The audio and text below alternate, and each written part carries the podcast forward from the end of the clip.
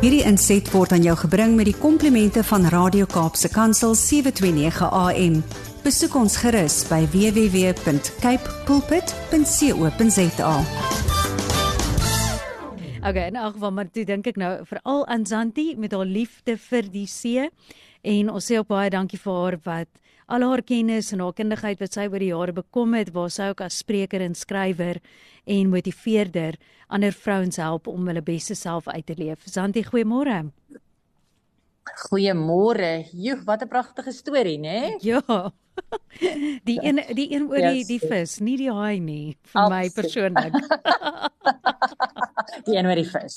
Die een by die ander vis. Ja, maar ek het 'n baie goeie verhouding met die see. Ek's baie lief vir die see uh -huh. en ek sit my 20 graag in die sand in die see. Ja. Maar as dit by swem kom, dan het ek en die haie ooreenkoms. Hulle kom nie op land nie en ek gaan nie diep in die see nie. So ons verstaan mekaar baie mooi. Dis dis 'n goeie transaksie. Ek hou ook daarvan. Ek verkies dit ook so.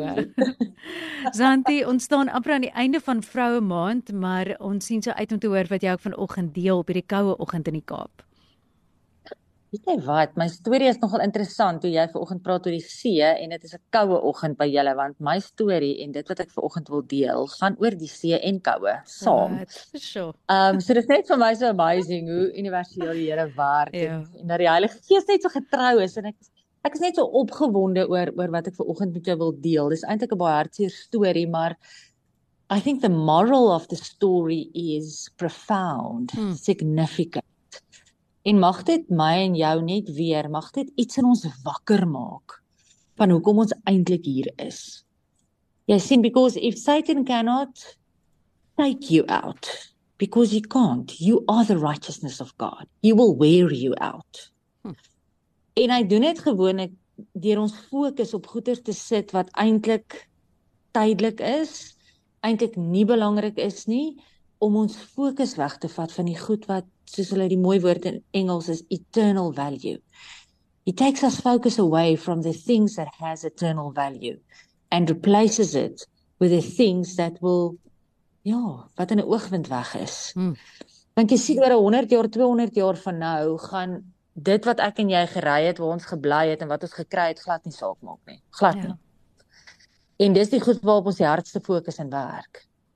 Maar wat wel oor 100 en 200 jaar gaan saak maak, is as ek en jy by Jesus is in 'n ander dimensie en die mense wat ons saam met ons gevat het. Wanneer ons daar met mekaar handel en wandel, dan gaan dit ewigheidswaarde hê. Want jy sien, ek en jy kom met niks aarde toe nie, niks nie. Ons word kaalgebore en ons gaan met niks terug. En hierdie tyd tussenin kan nie net gaan oor wat ons bymekaar maak om in elk geval weer te verloor as ons die dag begrawe word nie. Hmm. Ek wil jou perspektief, ek wil jou uitdaag vandag want ek uitdaag ek ek daag myself daarmee uit daagliks wanneer ek so besig raak in hierdie dinge wat eintlik glad nie saak maak nie. Dan dink ek Zanti, waar is dit nie dalk net weer tyd om boeke te vat en perspektief te kry nie? Want al wat regtig belangrik is, is wie ons met ons saamvat die dag as ons nie meer hier is nie. Want dan gaan ons vir ewig leef. So ek wil jou kop so 'n bietjie kom skud vir oggend en net vir jou weer daai ja, daai godly perspective of eternal value kom vasmaak in jou hart en jou gees. Because that is substance. That is lasting. Die res is nou maar net hoe dit is ons almal is op hierdie vliegtuig en ons het ons kaartjie gekry die dag toe ons gebore is en ons is op die vliegtuig en ons is op pad na ons eindbestemming. Hm. Sommige van ons vlieg ekonomiese klas, ander besigheidsklas, ander eerste klas. Dis nie wat saak maak nie.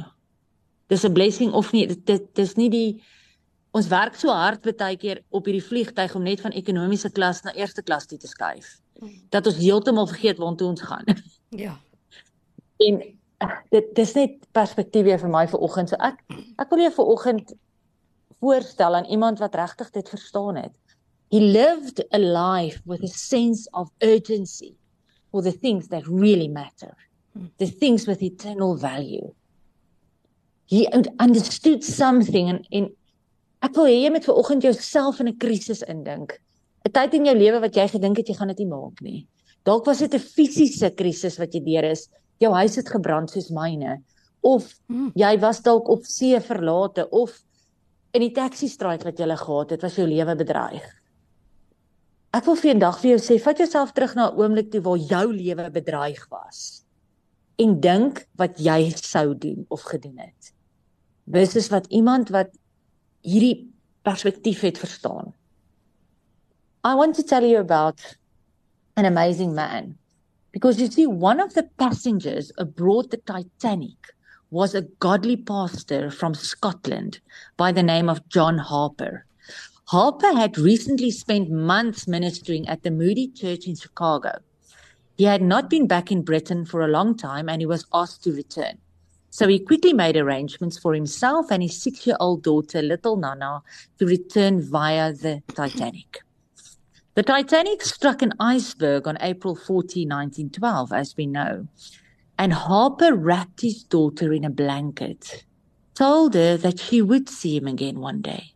and watched her safely board one of the lifeboats. She survived. Hmm. Sy vanoggend kinders het hoe ek jou net daai oomblik laat indink. Waar jy yskoud is in die nag is op die see is en jy weet die einde van hierdie prentjie lyk nie mooi nie en jy met jou kind in 'n oef raak sommer bewoe. En ek kom daar sit en jy weet dis die laaste keer. Maar hy het dit gedoen en hy het wel gesê gaan my eendag weer sien want hy het iets verstaan wat ek en jy dalk 'n bietjie vergeet het. One survivor distinctly remembered hearing him shout, Women, children, and the unsaved unto the lifeboats. Harper knew that believers were ready to die, but the unsaved were not ready. Harper then ran along to the deck, pleading with the people to turn to Christ. He called upon the Titanic's orchestra to play and hulle het gespeel tot op die einde, nê? Mm. And I say, "Philip, please play nearer my God to thee." Gathering people around him on deck, he knelt down and with holy joy on his face, raised his arms in prayer. Ek wonder baie keer of ek en jy nie net ons eie lewe sou wou red nie. Hm. As the ship began to sink, he jumped into the icy water and swam frantically to all he could reach, beseeching them to turn to the Lord Jesus and be saved. John Harper then sank into the depths and passed into the Lord's presence. He was only 39 years old. Four years later, a young Scotsman named Agula Webb stood up in a meeting in Hamilton, Canada, and gave the following testimony. I am a survivor of the Titanic. When I was drifting alone on a spore that awful night, the tide brought Mr. John Harper of Glasgow also on a piece of wreck near me. Man, are you saved? No, I said, I am not. He replied, Believe unto the Lord Jesus Christ, and thou shalt be saved. The waves him away, strange enough to say, he brought him back a little later. And he said to me again, Are you saved now? No, I said, I cannot honestly say that I am. He said again, Believe in the Lord Jesus Christ, and thou shalt be saved. And shortly after, he went down. And there alone in the night, and with two miles of water under me, I believed.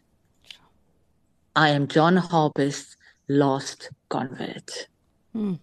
Julle lief ek en jy met daai sense of urgency. Ek ek dink aan Derek Watts wat gister oorlede is. Ek dink aan so baie mense hierdie jaar wat ek van weet wat gesterf het, mense naby ons, mense wat ek nie ken nie. En ek dink by myself het my en jou lewe op hulle impak gemaak het. Het hulle die kans gehad al was dit in hulle laaste asemteug om te sê, Here ek glo. Ek vat jy na 2 Korintiërs 6 vers 1 en 2 toe en ek sluit hier meer af in my Engelse Bybel wat sê as God's fellow workers. Julle dis almal van ons. Hmm. Dis nie net mense in 'n bediening nie, dis almal van ons. As God's fellow workers, we also urge you not to receive his grace and then do nothing with it. Verse 2. For he says, as the acceptable time I heard you, in the day of salvation, I helped you. Ek wil vir jou vra en ek vra myself vandag as God's fellow worker may we not receive this grace and do nothing with it. Mag ek en jy meer as wat ons kry, as wat ons ry en waar ons bly. Die mense om ons se harte sien. Mag ek en jy God se hart vir hulle hoor. Mag ek en jy baie en baie mense saam met ons vat eendag. Mag ons 100, 200, 300 jaar van hier waar ons wel gaan leef, terugkyk en sê ons lewe het saak gemaak nie omdat ek op die voorblad van 'n koerant was, omdat ek op 'n wêreldstage gestaan het, omdat ek titels gehad het, omdat ek baie geld gehad het, omdat baie mense my geselebreit het op aarde nie. Nee. Omdat jy wat langs my was vir my saak gemaak het. Hmm. Omdat God se roeping oor my lewe belangriker was. Amen. Hierdie inset was aan jou gebring met die komplimente van Radio Kaapse Kansel 729 AM. Besoek ons gerus by www.cape pulpit.co.za.